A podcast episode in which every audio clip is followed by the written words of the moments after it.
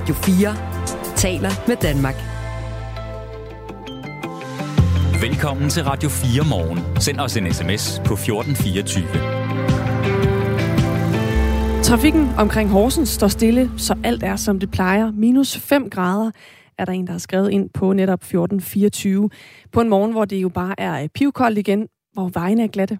Ja, og trafikken fungerer altså som den plejer, og dermed står den stille omkring Horsens. En anden har skrevet, og det er en relation til en historie, vi har sådan flere ben på her til morgen, nemlig diskussionen om, hvor koldt der er på skolerne. Nogle af dem har svært ved overhovedet at ramme de 19 grader, der er befalet fra centralt hold.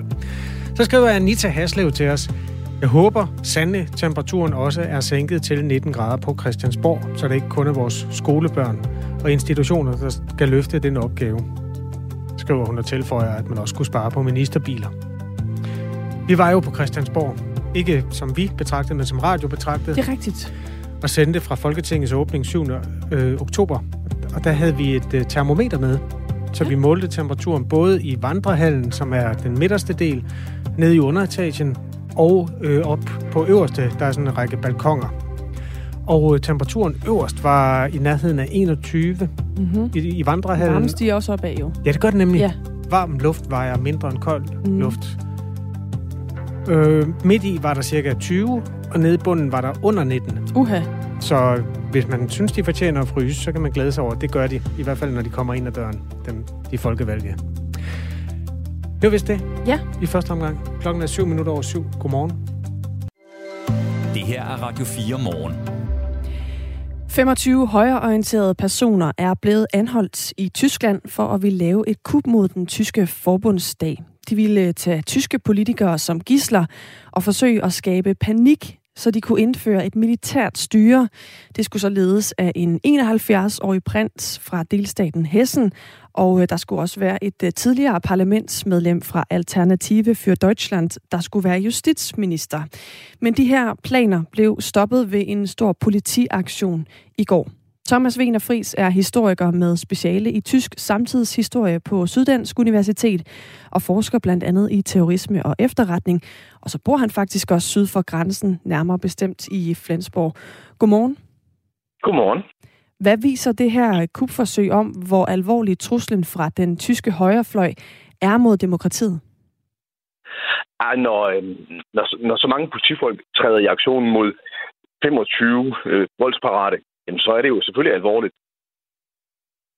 Er det... At den her del af, af, af højrefløjen øh, er jo... Øh, altså den er meget, meget langt ude.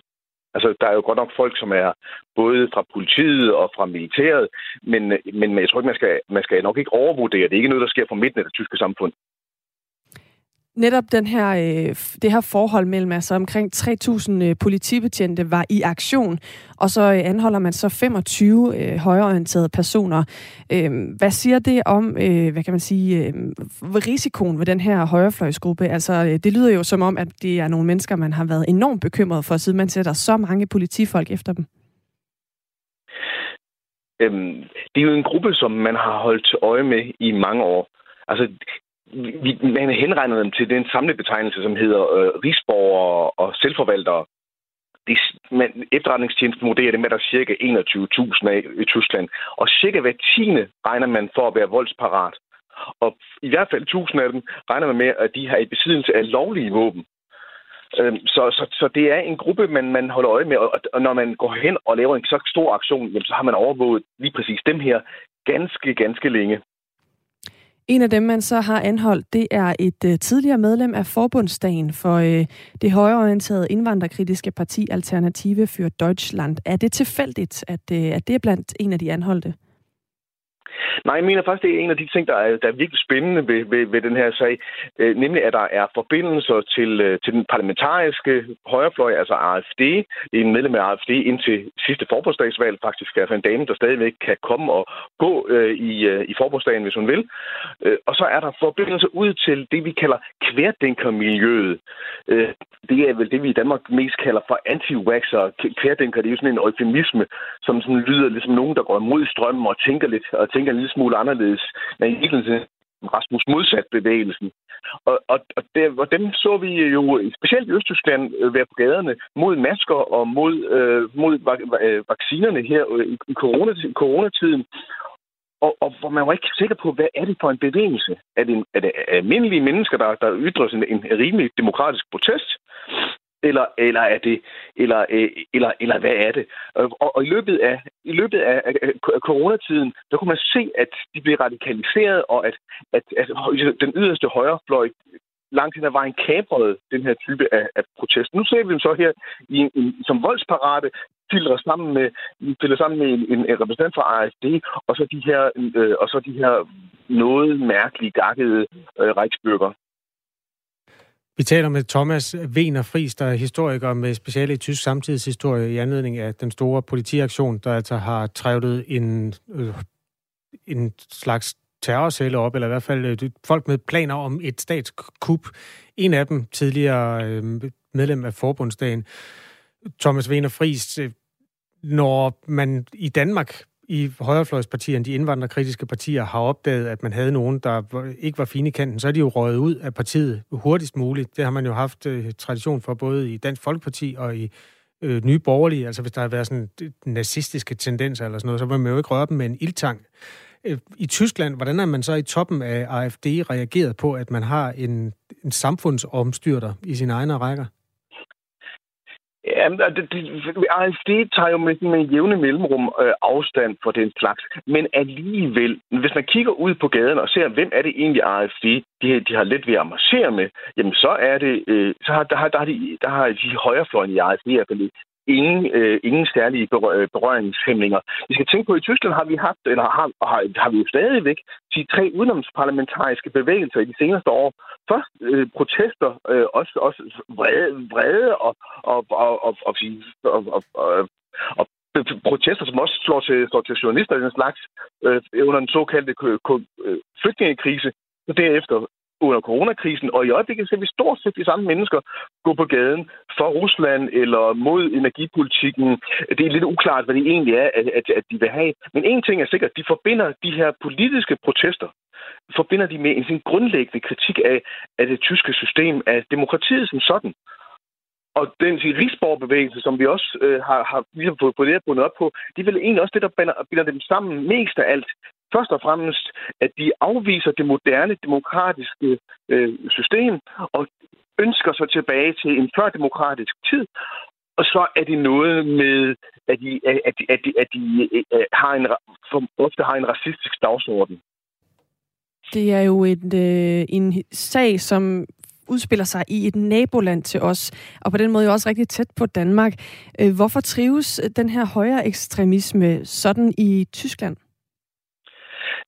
Det, jeg, jeg tror, det er svært at sige, at det, at, at, at, det her, at de trives virkelig, virkelig godt. Vi skal tænke på, at, øh, at Tyskland er jo et ret stort land. Øh, at, at 21.000 lyder meget voldsomt, men, men på den anden side, der er jo, der er jo flere mennesker, som, som, som dagligt spiller badminton i Tyskland, end, øh, end som, som, øh, som, er, øh, som er Reichsbürger. Men vi skal ikke underkende, der findes en voldsparat øh, højrefløj.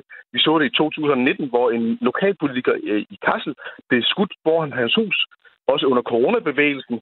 Øh, så sent som sidste år så vi en stakkels fyr, som passede en tankstation. Han blev skudt på klodshold, fordi han, han, han opfordrer en kunde til at, at tage, en, en, en maske, en, tage en maske på. Altså, så, så man har en, en indestinkt, en instinkt vrede, vrede som en, en, en, en, en, en gruppe af, af de her protesterende Øh, ikke, ikke kan styre og ikke kan tøjle, og, og, og, og som, gerne, som de gerne vil udleve. Og det er det, der gør dem rigtig farlige. Vi skal tænke på, at en af dem, som de sigtede mod i den her sammenhæng, det var øh, sundhedsminister Karl Lauterbach, som man overvejede at, at kidnappe og myrde hans, øh, og, og myrde hans, øh, hans øh, livvag, øh, livvagter. Øhm, og Karl Lauterbach er jo yndlingshadeobjektet for alle anti anti Der har også været frem, at man forsøgte at ville ramme Øh, øh, infrastrukturen, så vi kunne få blackouts til i Tyskland. Det er lige præcis det, det som AFD går og siger. Nu kommer der blackouts her til vinter, fordi vi er, fordi vi er i krig med Rusland. Øhm, så, så, så det, kunne, det kan gå ind og blive en selvopfyldende øh, det kan blive selvopfyldende, at, at højreorienterede ekstremister går ud og gør det, som AFD går og lover. Nu har vi øh, været omkring, hvad det er for nogle øh, personer, hvilke tilknytninger de har, som er blevet anholdt. Øh, det her kub var jo sådan øh, tænkt ud i nogle, øh, så vidt vi i hvert fald øh, kan høre fra, øh, fra øh, sagen i går, nogle scenarier. Altså man vil tage tyske politikere som gisler, skabe en panik og derigennem indføre et militært styre. Og så havde man så en plan for, hvordan skulle det styre så se ud. Thomas Wiener Fris, hvor realistisk vil den plan være? Altså, hvor, hvor øh, stor vil, er risikoen for, at det reelt kunne føres ud i livet, det her? At vi skal tænke på, at de mennesker, vi har med at gøre, at de er overordentligt fantasifulde og lever i en, en, en, en konspirationsverden, Øh, det, det virker helt usandsynligt, at de tyske myndigheder skulle stille sig bag sådan en, en, en gruppe af, af, af, af kubmager. Øh, og vi kan også se, at, at myndighederne har grund forberedt det her ganske grundigt. Der, det har været fremme, at, at forbundsdagen i den forgangne uge blev besikret netop, fordi man var bange for, at der ville komme et, et, et QAnon-agtigt øh, storm mod, mod for, forbundsdagen.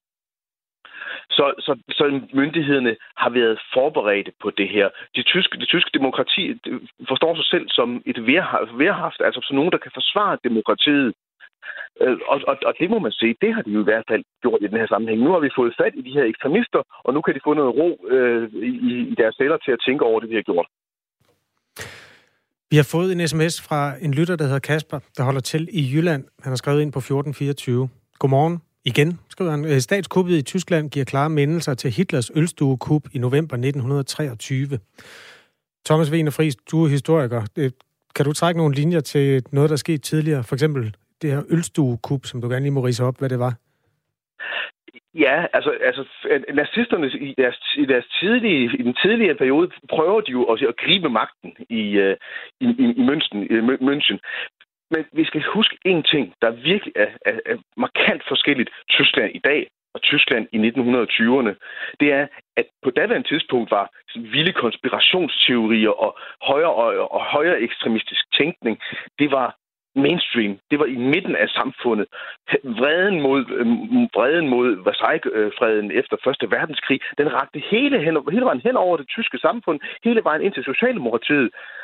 De protester, vi ser i dag, øh, det er ude på den yderste, yderste højrefløj. Det er marginaliserede mennesker. Øh, vi kan se ganske vist, kommer dem, og det er jo derfor, man tager også tager det måske særligt alvorligt, dem, som, som ligesom har lavet de her, de her skøre kupplaner i går, øh, de kommer fra de funktionseliter. Der er en dommer, der kommer nogen fra militæret, der kommer en fra politiet, der kommer en, der kommer en, der kommer en, en, en prins for lige at, øh, at, at, at gøre det sådan lidt, lidt, lidt, lidt ekstra, lidt ekstra glamorøst. Men det er folk, som bevæger sig ude på Telegram, ude øh, blandt, blandt politisk marginaliseret. Det er en kæmpe forskel. Og det må sige, i virkeligheden er det der, vi kan se, at, at demokratiseringen, den, den demokrati, man ønskede af det tyske samfund efter 2. verdenskrig jo faktisk har lykkedes. Ikke? At man, man har ikke længere højere, de, de højere ekstreme i hjertet af, hjertet af, hjertekuglen af samfundet. Nej, det er nogle frie det er først og fremmest nogle frie radikaler, som staten faktisk gør alt, hvad den kan for at bekæmpe. Du får lige en sms mere fra en øh, anden, der lytter med på det her øh, interview med dig, Thomas Wiener Friis, som skriver, jeg læste noget om kontakt til russiske myndigheder. Hvad ligger der i den del? Ja, altså de, øh, de russiske myndigheder har jo været hurtigt øh, øh, ude, hurtigt ude at sige, at det har de ingenting med at gøre. Nu skal vi selvfølgelig være en lille smule forsigtige med at tro alt, hvad, alt, hvad den russiske ambassade i går siger. Der er den kerne i det, at de protester, vi ser i øjeblikket, har ligesom været en flydende overgang fra anti demonstrationerne til, til nogle øh, pro-krig eller, eller mod krig øh, demonstrationer. Øhm, og de demonstrationer, vi ser fra højre, ikke mindst fra højrefløjen, øh, og ikke mindst i Østtyskland, jamen det, der, der, der, er, øh, der er helt klart en, en, en, en russisk en, øh, altså en, en, en, en russisk medindflydelse. Man læner sig op at man læner sig op af det russiske narrativ. Øh, man, man, for, man, man, følger, man følger russiske medier. Øh, så man kan sige, der er øh, også i den parlament, på den parlamentariske højrefløj, altså ude i, i, i, i, i øh, det parti, der hedder Alternative for Deutschland, jamen der er en, der er en, en fascination af, af, af, af Rusland. Vi har politikere i AFD, som lige efter invasionen af Ukraine, skrev på deres, øh, skrev på deres Twitter, at er det her et russisk angreb? Nej, det er Rusland, der forsvarer sig. Hvor de nu hurtigt, nogle af dem hurtigt til at, at, at fjerne fra deres Twitter igen.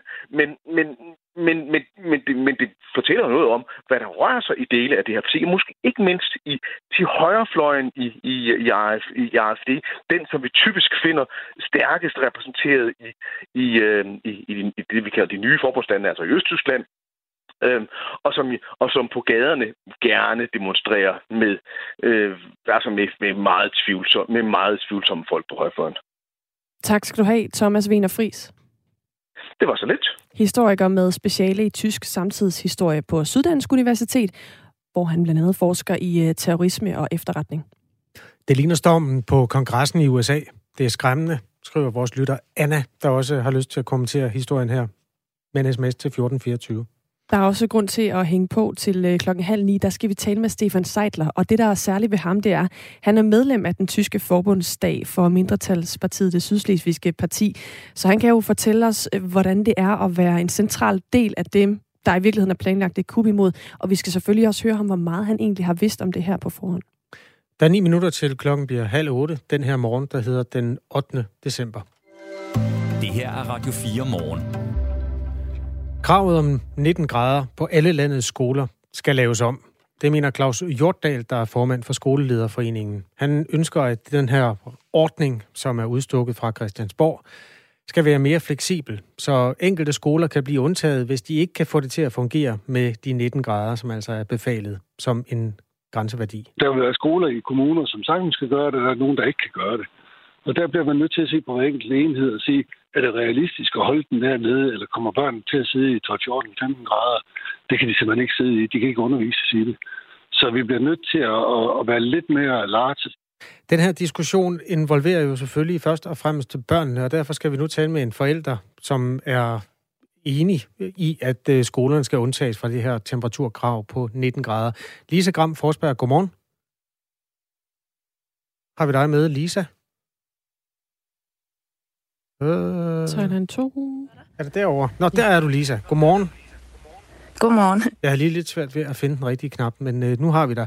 Mor til fire, hvor to af dem går i skole i Esbjergære. En i 0. og en i 3. Det her 19 graders krav, det kommer jo, fordi energien risikerer at være knap, og pengene er det jo øvrigt også. Hvorfor mener du, at skolerne skal undtages fra det? Jamen, der er, jo, der er jo mange grunde til det. Man kan sige, helt, helt sådan nært, så kunne jeg jo godt frygte, at mine egne børn, de bliver noget mere forkølet og, og syge her hen over vinteren. Øhm, det er jo ikke ligesom på en arbejdsplads, hvor voksne husker at klæde sig varmt på, hvis øh, de kan mærke, at de fryser. Det er ikke altid hjemmeskoene kommer på, og de lige husker at, at mærke efter. Og hvis først, øh, ja, hvis først nogle børn bliver syge, så spreder det sig jo også. Så det er mere sådan, ja, ud fra fra det perspektiv, så, øh, så tror jeg, det bliver en lidt hårdere vinter for børnefamilier.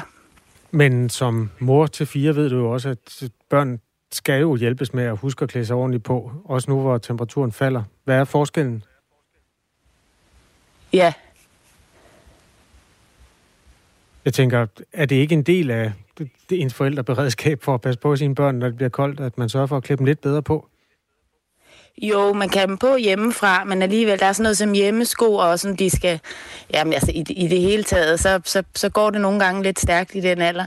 Men jeg tænker også, selv hvis nu, at, at de er ordentligt klædt på, hvis man sidder i et lidt halvkoldt lokale, så er der bare ikke lige så rart at være, så, så, så ryger der noget trivsel, og, øhm, og i det hele taget, så tænker jeg også, at indlæring vil heller ikke øh, har så godt af, at, at, man, at man sidder og ikke er ordentligt tilpas i kroppen.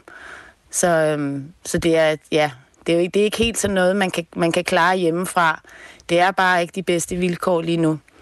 Nu har vi meget hørt om Esbjerg skole i den her øh, følgetong, og det hænger sammen med, at den er spredt over nogle ældre matrikler, øh, bygninger, hvor nogen går tilbage til 1934. Vi talte i går med skoleleder Andreas Elkær, og hans dilemma har været, at hvis ventilationen kørte og skiftede luften ud med den ønskede takt, så bliver der simpelthen kølet så meget ned, at der blev langt under de 19 grader i lokalerne. Derfor har man måttet slukke for ventilationen nogle steder, og det betyder så også gengæld, at den luftkvalitet, som der også er fokus på, den ikke er, hvor den helt burde være. Øh, vi får lige et lille klip med Andreas Elkær. Vi havde nogle oplevelser, hvor øh, varmesystemet ikke fungerede. Vi havde klasselokalerne til 12 grader et par dage sidste uge. hvor vi var nødt til at sende nogle elever hjem, og øh, det fik os til at tale med vores gode kollegaer i ejendomscenteret om det her med at styre varmen og ramme de her 19 grader. Det, er, det lyder meget enkelt, men det er ikke så enkelt. Lisa Gram Forsberg, altså med to i den tidlige del af skoleforløbet på Esbjerg skole. Hvordan mærker de det, at der er knas med både indeklima og temperatur? Jamen altså, lige nu, kan, jeg ved jo ikke, om det helt hænger sammen med det, men lige nu er vi der tre med, med ondt i halsen. Og jeg synes også, det, det er et helt absurd valg, han står med, ham Andreas, med, om, om man skal vælge varme eller, eller ordentlig luft. Det er jo, det er jo sådan set det, ja, et, et, lidt, et, et lidt mærkeligt valg at skulle tage på børnenes vegne. Jeg kunne godt ønske mig, at man skånede dem lidt og skærmede dem for, ja, for, det, for, for det, der foregår ude i, i verden lige nu. Problemet med det, der foregår lige nu i verden, er jo, at det sætter et præg på vores allesammens hverdag. Der er mange mennesker, der er nødt til at skrue ned lige nu. Hvorfor er det, at børn skal undtages fra, fra det? Øhm, jamen altså, som, som mor, så tror jeg, det er helt naturligt, man tænker på sine børn først frem for, for alt. Og så, så er de også bare på et, på et andet stadie, end vi andre er. Nu, nu nævnte jeg før det der med at tage en ekstra trøje på, og så videre. Jeg tænker, det fungerer lidt bedre på en arbejdsplads med voksne mennesker, end det gør i en skole. Tak fordi du vil være med os her til morgen. Du har sikkert nok at se til, når du har børn, der skal i skole. Øh, god dag, Lisa Gram. Ja, det er rigtigt. Men det var så lidt. hej, hej. Øh, men altså med, med øh, to børn, som går på Esbjerg skole. Vi skal også hilse på en, der har prøvet at sidde med overtøjet på inde i klassen den seneste tid. Vi rykker lidt sydpå. Øh, Tobias Juliusen er fra 9. B på Tinderhøj skole i Rødovre, og også med os på en telefon nu. Godmorgen, Tobias. Godmorgen. Hvor koldt har der været på skolen? Uh, altså præcis i grad er jeg ikke mere, det har været koldt. Hvordan har du oplevet det? Jeg synes, det har været meget, øhm, meget forstyrrende for mig, og mig, der ikke kan sidde stille, fordi det er så koldt, og vi sidder med overtøj på osv. Altså, har I alle sammen siddet med jakker på? Ja. Og huer, øh, handsker, eller hvordan har dresscode været i jeres klasse? Det, det kommer an på, om sådan, kropsgraderne på folk, fordi at jeg selv har ikke haft hue på, men der er nogen, der har. Kan man ikke vende sig til det? Mm, nej, fordi det er, jeg synes også, det er lidt svært at koncentrere sig, når det er, man, øhm, når man har så meget overtøj på. Hvor ofte har det været nødvendigt at tage overtøj på inde i klasselokalet? Næsten hver dag. Altså havde du det på i går? Ja. Hvad siger jeres lærere til jer om, omkring det her? Er, er det bare blevet hverdag, eller er det sådan noget, der bliver kommenteret? Det er bare blevet hverdag. Mm, hvad håber du, politikerne gør ved det her? Jeg håber, de får ændret det med, at øh, det skal være 19 grader til lidt højere, sådan, så det er nemmere at ramme. De input, man nogle gange får, når man sidder og laver radioprogrammer, det er jo fra folk, der siger, øh, altså dengang deres bedsteforældre, det var der en, der skrev tidligere, da hans bedstefar var dreng, der vågnede han med is på dynen, og dynen var frosset fast og sådan noget, og nu må man, øh, nu må man øh, finde sig i det, fordi det, ja, det var meget værre i gamle dage. Hvad siger du til det? Uh, det er selvfølgelig synd, at gang, at man var nødt til at gå op med sådan is på dynen, eller man frodes under sin dyne. Det synes jeg er meget synd, men ja, Der er en øh, lytter, der skriver ind, kan det ses som en lektie til børnene, forstået på den måde, at de bliver mere oplyste om energikrisen, som kunne give et større fokus på det i fremtiden. Tobias Juliusen øh, er der altså en, der, der lytter med her, med, mens vi taler med dig og skriver ind. Har det lært dig noget om energikrisen, at du øh, har været nødt til at sidde med overtøjet på inde i klassen? Øhm, ja, det synes jeg. Det synes jeg. At, øh, det har jeg da lært, at øh, når, når energien bliver dyrere, så bliver det koldere i klasser, hjem og så videre. Du øh, skal også øh, have lov at slippe afsted. Du er på vej ud i skoledagen, går ud fra Tobias Juliusen. Ja. Det er en fornøjelse at hilse på dig. Det, ha' det godt, tak. og en god skoledag. Tak fordi jeg måtte være med. Ja, tak lige mod dig. Øh, det er altså 9. klasses elev, 9. B på Tinderhøj skole i Rødovre, hvor man hopper i jakke, og nogen endda i huer og handsker, når skoledagen går i gang. Inputs, øh, både i den mere belærende øh, afdeling, eller den mere sympatiserende afdeling, er selvfølgelig velkomne. Også hvis der er andre Det kan være både skolebørn og forældre, der har lyst til at, at fortælle sådan anekdotisk om, hvordan det fungerer lige nu, hvor der altså er en befaling fra centralt hold om, at der skal være 19 grader i offentlige bygninger, inklusive folkeskoler. Nogle steder daler den så til 14, fordi det er noget gammelt skidt. Det er valgdag i et andet sted i rigsfællesskabet i dag, nemlig på Færøerne, og det skal vi øh, vende om øh, sådan små fire minutter, nu klokken halv otte. Nu er der nyheder på Radio 4. 250.000 kroner, det er prisen, som Rudersdal Kommune skal betale for et portræt af kommunens nu tidligere venstreborgmester Jens Ive. Det besluttede et enigt økonomiudvalg i går, oplyser kommunens borgmester Anne-Sophie Ort til TV2 Løje. Der var enighed om, at Jens Ive skal portrætteres. Dermed fortsætter vi traditionen med et maleri af den afgående borgmester. Det er en værdifuld tradition, der er med til at fortælle vores fælles historie, siger hun til TV2 Løje.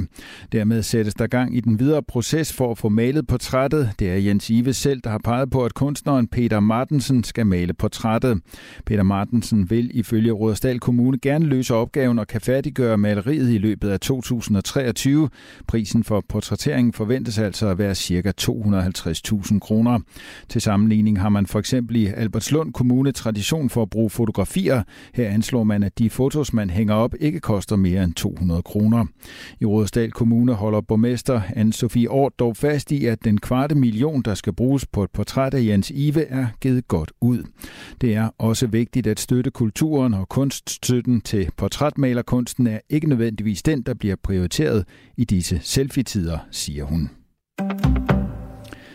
Danskerne er skeptiske over for den internationale fodboldforbund FIFA med præsident Gianni Infantino i spidsen. Det viser en meningsmåling foretaget af Voxmeter for Ritzau. Et flertal blandt danskerne mener ikke, at FIFA er god nok til at udvikle fodboldspillet.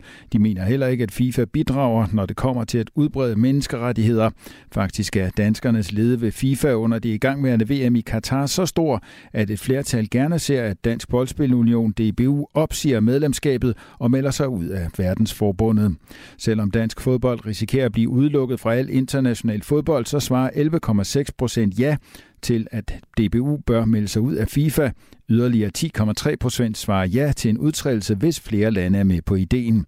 Og kan man samle alle medlemslande i det europæiske fodboldforbund UEFA og træffe en fælles beslutning om at træde ud af UEFA, så er yderligere 36,3 procent med på det. Det vil sige, at 58,2 procent af befolkningen i den ene eller anden form mener, at DBU skal udtræde af FIFA.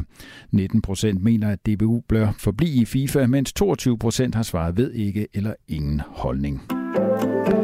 Julen er hjerternes fest, men for et stort antal børn og unge, særligt dem i udsatte familier, kan det være en hård og bekymrende tid. Det skriver Børns Vilkår, som varetager børnetelefonen i en pressemeddelelse. Børnetelefonen havde sidste år over 12.000 samtaler i dagene 23. til 31. december. I alt havde rådgiverne hos børnetelefonen 55.000 samtaler med børn og unge i 2021. Juletiden er heller ikke årets mest travle tid, målt på antal samtaler, men der er væsentligt flere samtaler i juledagene, der handler om forholdet mellem børn og forældre, påpeger Rasmus Kjeldahl, der er direktør i Børns Vilkår. Det er en helt særlig tid, øh, fordi der er så meget pres på det familiemæssige, der er så mange forventninger og også meget store skuffelser. Og det, at man ikke er i skole for eksempel, gør også, at man er revet væk fra sin almindelige hverdag og bliver måske konfronteret med øh, svære forhold øh, derhjemme på en anden måde, end man gør i hverdagen. Over den sydligste del af landet først skyde med snebyer, ellers kommer der kun enkelte snebyer og mange steder solskin, men i morgentimerne er der risiko for rimtog.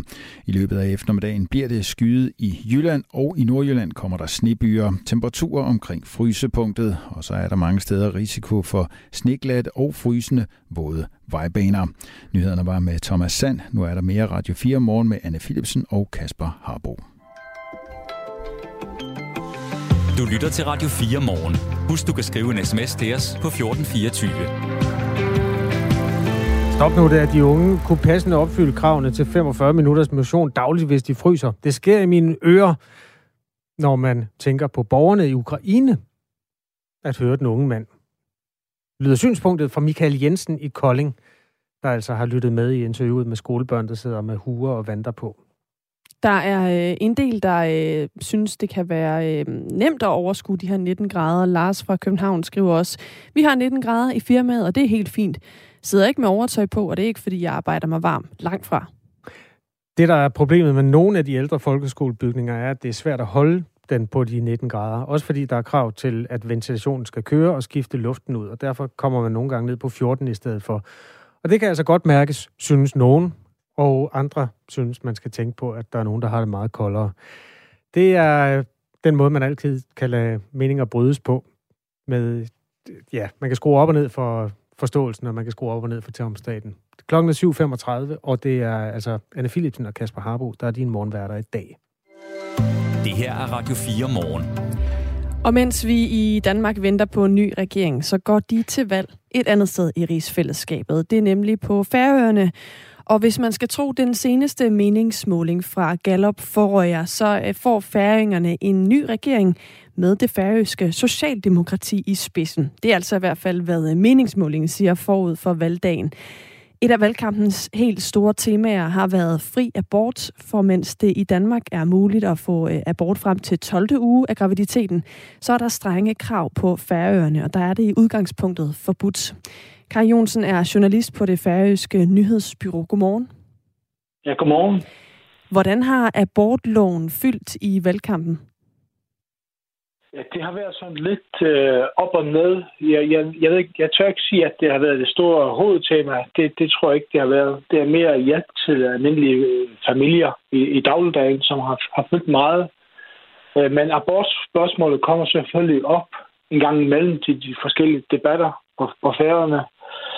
Og, øh, men det, som jeg tror, at det er, er, er blevet lidt mere afdæmpet, det er fordi, at de fleste partier på nær et parti har har sagt, at de vil fritstille deres medlemmer til at stemme efter egen overbevisning, hvis, det, hvis, det, hvis sådan et forslag skulle komme i lavtinget. Og det tror jeg er med til at gøre, at, at, øh, at debatten måske ikke bliver så frygtelig hård. Det er så et af de temaer, der har øh, været i løbet af, af valgkampen her. Ifølge den seneste meningsmåling, så øh, tyder det altså på, at der er et flertal, der vil sætte øh, kryds ved det færøske socialdemokrati. Og taberne ser så ud til at blive de to store borgerlige partier, Folkeflokken og Sambandspartiet, som i dag er dem, der har regeringsmagten. Sambandspartiet, som ønsker et tæt tilhørsforhold til Danmark, går ifølge målingen tilbage med et mandat, og det er samme mandattab, som Folkeflokken står til at få ifølge den her øh, meningsmåling. Hvad kommer til at afgøre det her valg i dag?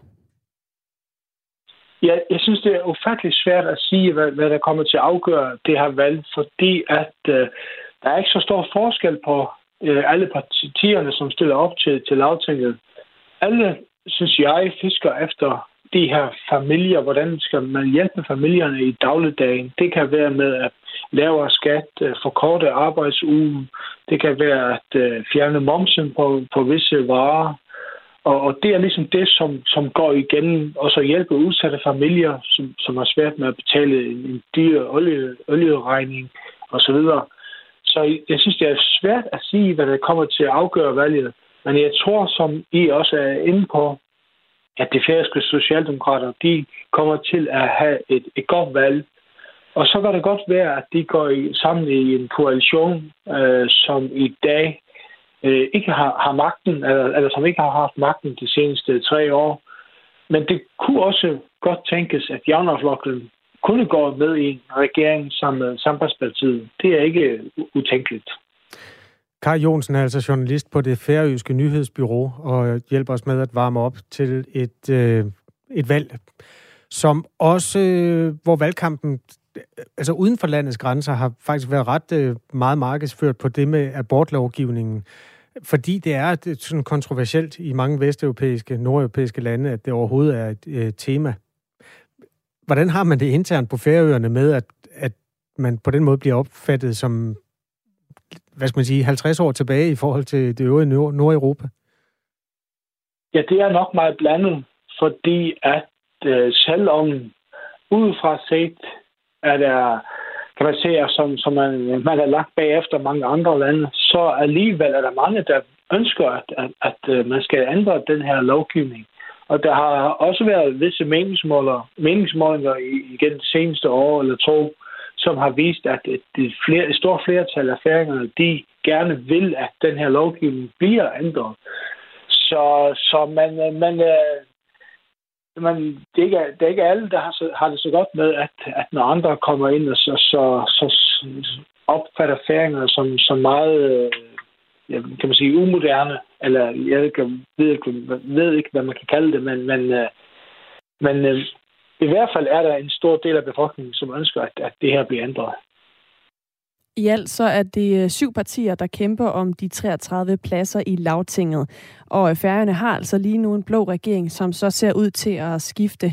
Øh, nu er det jo tidligt at tale om regeringsdannelse, inden valget overhovedet har fundet sted. Men hvordan kunne en sandsynlig regeringsdannelse se ud efter øh, valget i dag, Kai Jonsen? Ja, altså en sandsynlig regering, jeg, jeg ser to, to muligheder. Enten så vil øh, Socialdemokraterne, altså hvis de vinder valget, som alt tyder på, altså så har de mulighed at gå i regering sammen med Tjøvalde, altså republikanerne, og så nok helst, så tror jeg nok også, man skal have et lille parti med, for ligesom at få for den her, det her flertal. Men så kan Socialdemokraterne også vælge at øh, gå i en koalition sammen med Samarbejdspartiet og et lille parti. Så, så jeg tror nok, at Axel V. Hansen, som står i spidsen for det færøske socialdemokrater, har flere muligheder for at danne, danne en regering. Og det er selvfølgelig en, en fordel for ham. Og så er der jo øh, selvfølgelig også altid et aspekt, der handler om, hvad forholdet til Danmark så bliver, når der er, sker et regeringsskifte øh, på Færøerne. Hvad vil det betyde for forholdet til Danmark, hvis øh, regeringen ændres, hvis, øh, hvis det går fra blå til rød? Det tror jeg ikke, der sker så meget ved, fordi at øh, spørgsmålet om, om løsrivelse, det har næsten været altså helt væk fra, fra den her valgkamp. Øh, det er næsten ikke blevet omtalt. Så det, det tror jeg ikke, det, det, det, får, det får den store betydning. Øh, men jeg tror, at lige meget hvilken koalition, der kommer ind, så er der en del spørgsmål, som skal diskuteres. Altså Danmark har sagt, og det ønsker færgen også, at de skal inddrages mere i forsvars- og sikkerhedspolitik. Så, så den diskussion kommer til at foregå øh, fremover, men jeg tror ikke, at der kommer nogen krav om løsrivelse. Måske der vil komme nogle krav om, at, øh, at bloktilskuddet skal falde øh, lidt, hvis øh, republikanerne, øh, ja, republikanerne kommer, kommer til magten sammen med nogle andre partier. Så lød det altså fra Kai Jonsen. Tak fordi du var med her. Journalist på det færøske nyhedsbyrå. 7.42 er klokken. Vi gjorde det! Missionen på Radio 4 er taleradio, der handler. Vi kan godt lide at gøre noget. Ja. Yeah. Ikke? Ikke bare tale. Fra mandag til torsdag kaster Amalie Bremer og Tony Scott sig over en ny mission. Vi to taler jo meget. Mm-hmm. Og så har vi en handlende kraft. Ja, ja. Jamen, sådan har vi fordelt det. Som er reporter, Rasmus. Ah! Når det rigtig bliver svært, så siger vi, og nu stiller vi over til dig, Rasmus. det skal du gøre. Lyt til missionen mandag til torsdag fra 15 til 17. Radio 4 taler med Danmark. Det her er Radio 4 morgen. Hvor mange grader er der i Radio 4's studie, spørger en lytter meget relevant. Mm, jeg mærker lige efter. Der er koldt. Der er Mine fingre, de er simpelthen så kolde. Jeg kan næsten ikke engang bruge min mus. Jeg skal nok lige skaffe det uh, digitale termometer, jeg som vi tidligere det. har brugt. Uh, jeg kan ikke nå at hente det i dag, men vi tager det med i morgen. Det er også der har været der i morgen igen, ikke? Det er det. Ja, så skal vi nok opdatere på den side af sagen også. Det er sådan lidt svært rum at redigere sådan, uh, temperaturen i et radiostudie, fordi der står mange maskiner og brummer, og det skruer temperaturen op. Så er der jo også sådan nogle lamper, ja. med et stærkt lys, der bliver brugt, fordi der også bliver optaget video herinde. Så derfor er der nogle gange stinkende varmt, men det er der altså simpelthen ikke i dag. Det har noget at gøre med, at man får lukket døren eller ej. Ja, også det. Øh, og så temperaturen udenfor, det tror jeg ja, er ret afgørende. har altid sådan en lille betydning. Nå, det finder vi ud af. Vi følger op. Så kan man altid tage en julesvætter på, og det har Nikolaj Dupont, vores reporter, gjort i dag. Ja. En flot mand. Tak skal du Den have. Den blinker også. Der er lys i min sweater i dag. Ja.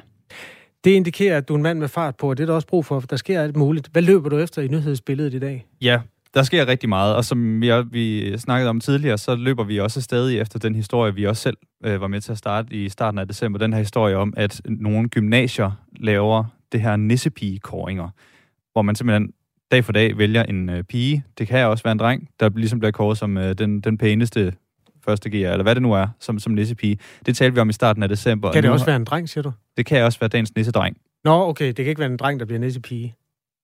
Det vil jeg ikke udtale mig om. Det Nej, ved jeg ikke. det- okay. Øh, så meget er jeg ikke inde i det. Vi talte rigtig meget om, øh, vi talte også med en rektor på et, øh, univer- et øh, gymnasium i Kolding øh, ved den sag. Sidenhen er det kommet frem, det er TV2, der har boret videre i det, der faktisk også øh, sker noget lignende på andre gymnasier. Så vi prøver at jagte øh, eks- ekspert Mille Mortensen, hun er ekspert i øh, krænkelser, for ligesom at finde ud af, om er det her en tendens. Sideløbende med det, så jagter vi også noget andet. Jeg ved ikke, om I har prøvet det der med at se et rigtig godt tilbud i avisen, og tænkt, jeg skal afsted med det samme. Ikke lige i I avisen. avisen. Gammel fyr. Internetavisen. ja. Du siger, der er fart på mig, og det er der. Ja. Har I nogensinde set et rigtig godt tilbud, og så er jeg kommet ned i butikken, og så var det der ikke alligevel? Mm, det handler mest online, tror jeg. Ej, hvor er I den, unge du af nogle gamle den op, mennesker at være. og vi, øh, ja, nå. Grunden til, at jeg spørger, det er, fordi Avisen Danmark har lavet alt det hårde arbejde, har kigget på Trustpilot og set, at folk er ved at være ret sure over, at de ser, at der er tilbud på æg 10 kroner, og så hopper de ned i Aldi eller Netto eller Føtex, og så er det udsolgt. Også selvom de Åh, kommer ja. 10 minutter efter, at det egentlig er startet. Nå. Så spørgsmålet er, om altså, bliver vi snydt? Det er noget, vi prøver at undersøge her til morgen. Vi prøver at få fat i Forbrugerrådet Tænk, øh, som kan sige noget om, må man det her? Og, og hvis det reelt bare bliver udsolgt efter 10 minutter, kan man så ikke finde på en eller anden løsning, der gør, at man ikke sender en masse folk altså, ned med, med blå øjne i jagten på billige æg, og så er de der ikke? Du må gerne undersøge, hvad reglen er. Altså, hvor mange æg skal man have, før man må sige, jeg har æg, så længe lager haves til 8 kroner, eller hvor meget det nu er. Det, det synes jeg er super interessant. Mm. Øhm, jeg troede faktisk, du talte om større sådan elektroniktilbud og sådan noget, men det der med smør og æg, det har jeg faktisk prøvet. Det er supermarkeder, vi taler om. Ja, godt. Øh, Nikolaj Dupont er reporter her på Radio 4 morgen, og hvis du, der hører Radio 4, opdager et sted i nyhedsstrømmen, som du synes, det, det er jo simpelthen dagens store historie, hvorfor har I ikke opdaget den? Så er vi også øh, tilbøjelige til at læse de øh, sms'er, der kommer ind og reagere på dem. Så du kan bare skrive til os på 1424. Klokken er 14 minutter i 8. Godmorgen. Radio 4 taler med Danmark. Der er stor mangel på ansatte i hjemmeplejen. Mange af de, der er ved at uddanne sig til job i hjemmeplejen, falder fra undervejs. Der er nemlig øh, stor frafaldsprocent både i uddannelsen til SOSU-assistent og SOSU-hjælpere. Det viser en analyse, som Kommuneforeningen KL har lavet, og den er offentliggjort i nyhedsbrevet Momentum, som altså er KL's magasin. Lisbeth Nørgaard er formand for de danske SOSU-skoler og er med os nu. Godmorgen. Ja, godmorgen. Ifølge den her analyse er det hver tredje på socioassistentuddannelsen, der dropper fra øh, i løbet af de første tre år. Hvorfor har I så svært ved at fastholde de studerende? Det er der rigtig mange faktorer, der spiller ind på. Øh, det er, øh, hvis vi lige sådan skruer øh, tiden lidt tilbage, så blev vores uddannelser evalueret i 2021, og der øh, evalu- evaluerede man, at uddannelsernes indhold og længde og det faglige niveau var tilfredsstillende for parterne. Det betød selvfølgelig, at øh, vi har skruet lidt op for, for, for de kvalitative krav, altså målene i uddannelsen. Så, så det er også derfor, der er selvfølgelig øh, måske færre, der synes, at de kan øh, efterleve de krav. Øh, og det er en af parametrene.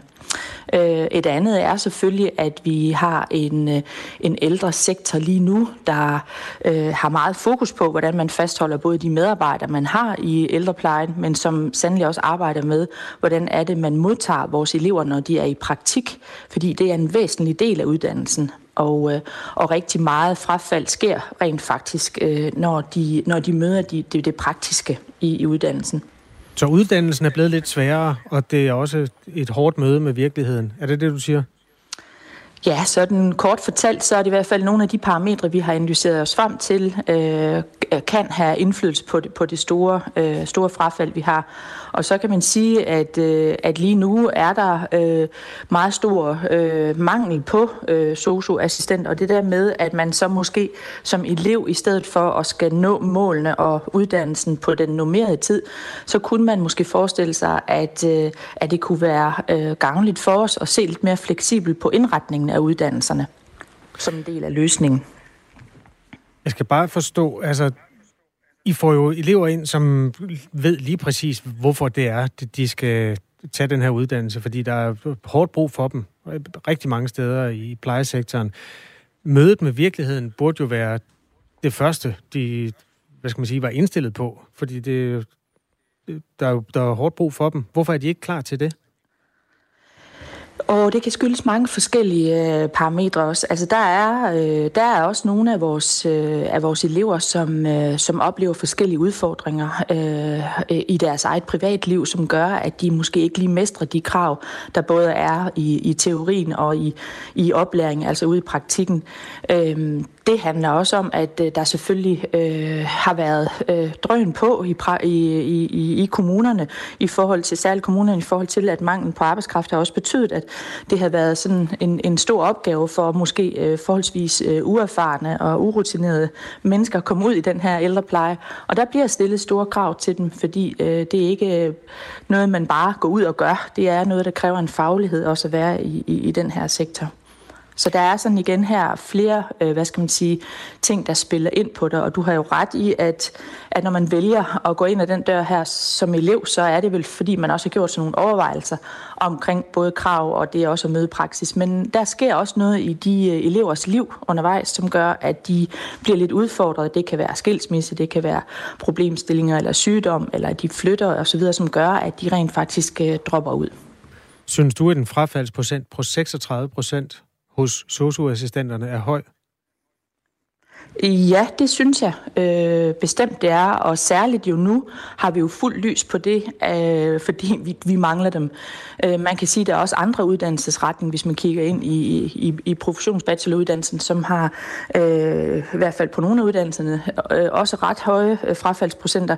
Men fordi vi sætter lys på det nu, er jo fordi de mangler, og fordi vi gerne vil gøre alt, hvad vi kan for også at fastholde flere Øh, og der bliver også gjort en lang række, øh, taget en lang række initiativer sammen med kommunerne for at forsøge at fastholde øh, endnu flere i, i uddannelsen.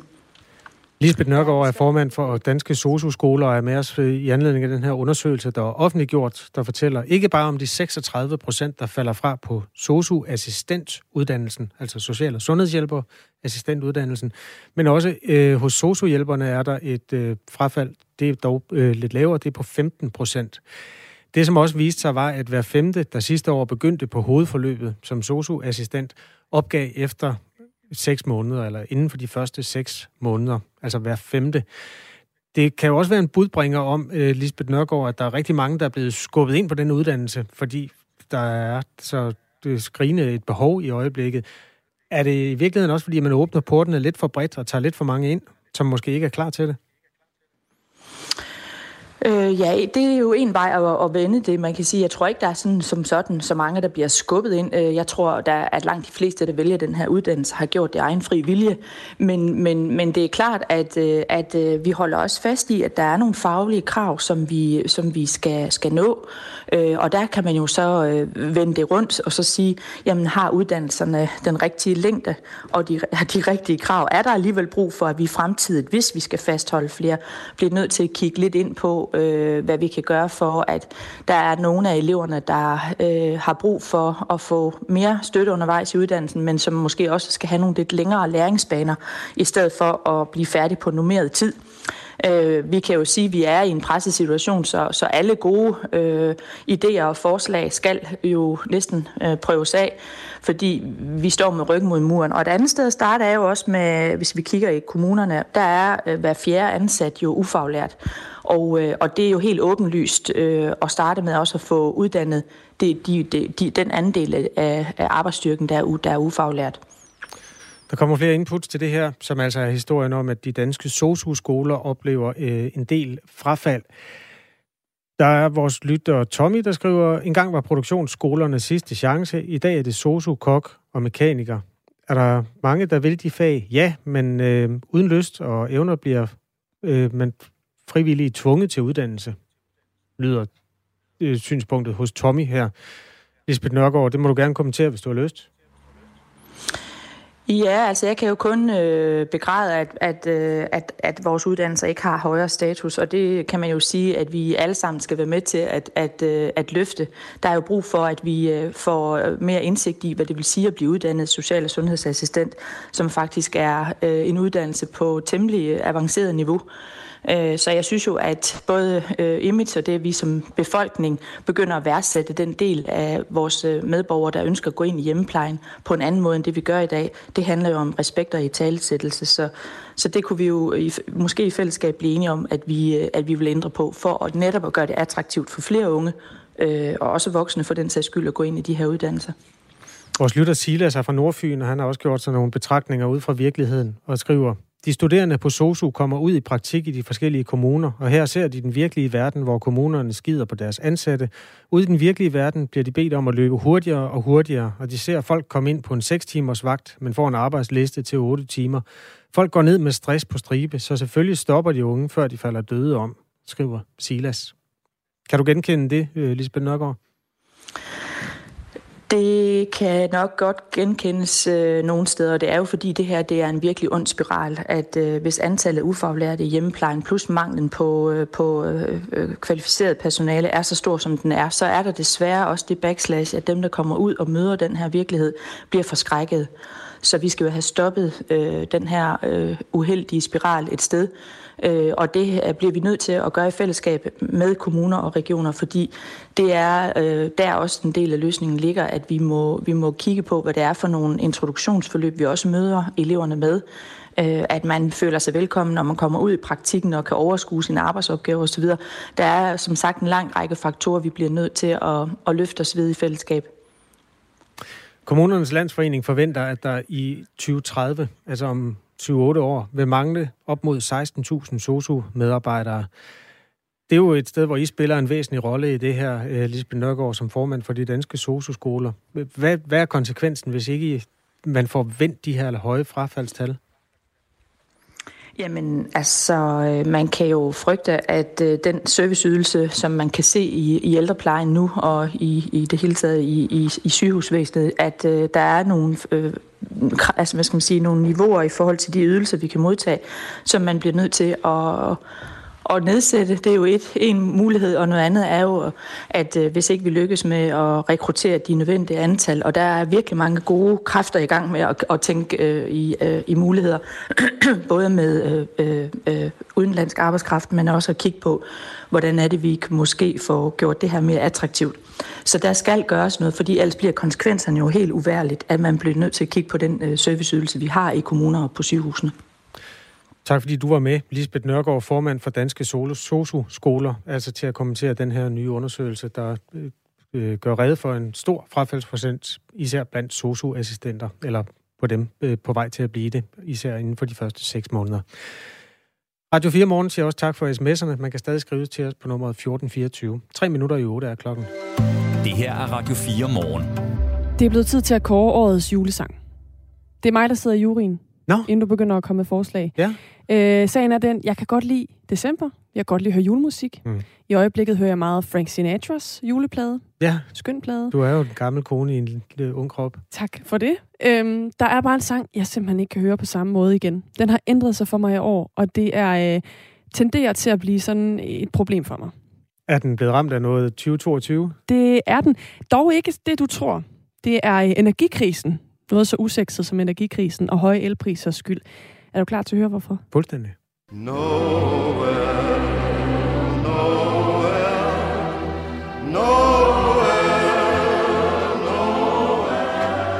Noel, Noel. Noel, ingen elektricitet. Det er det eneste, jeg kan høre, når Frank synger. Så synger han noget om kongen af Israel, ikke? Men Noel, og, ja. og det bliver mere og mere desperat i den der sang. Altså, det bliver mere og mere sådan, Noel! altså virkelig sådan... Og man forst- altså, jeg ved ikke, der er bare, jeg kan ikke høre andet i år. Jamen, det var da forfærdeligt. Det er, det er jo meget nærværende nogle steder i verden, det Ja. der ingen strøm. Ja, Øh, profetisk nok. Det, det betyder jo også jul på fransk. Det håber du er med på. den er jeg med på. Men altså, er det mig, den er gal med? Nej, Eller jeg tror, du har en kan jeg, får jeg smittet lidt flere nu måske? Man kan også sige, at øh, støvet har lagt sig rimelig tykt oven på lige præcis den plade der. Jeg tror ikke, det er, det, det er noget, der er stort udbredt i, i samfundet. Men tak for advarslen i hvert fald. At, Prøv at hvor desperat han bliver.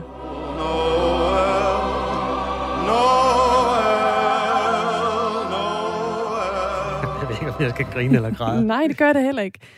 Det er altså bare for at sige, øh, hvis man skal høre en sang, som øh, indgrænser den udfordring, mange har i år, så Mm. kunne det være det.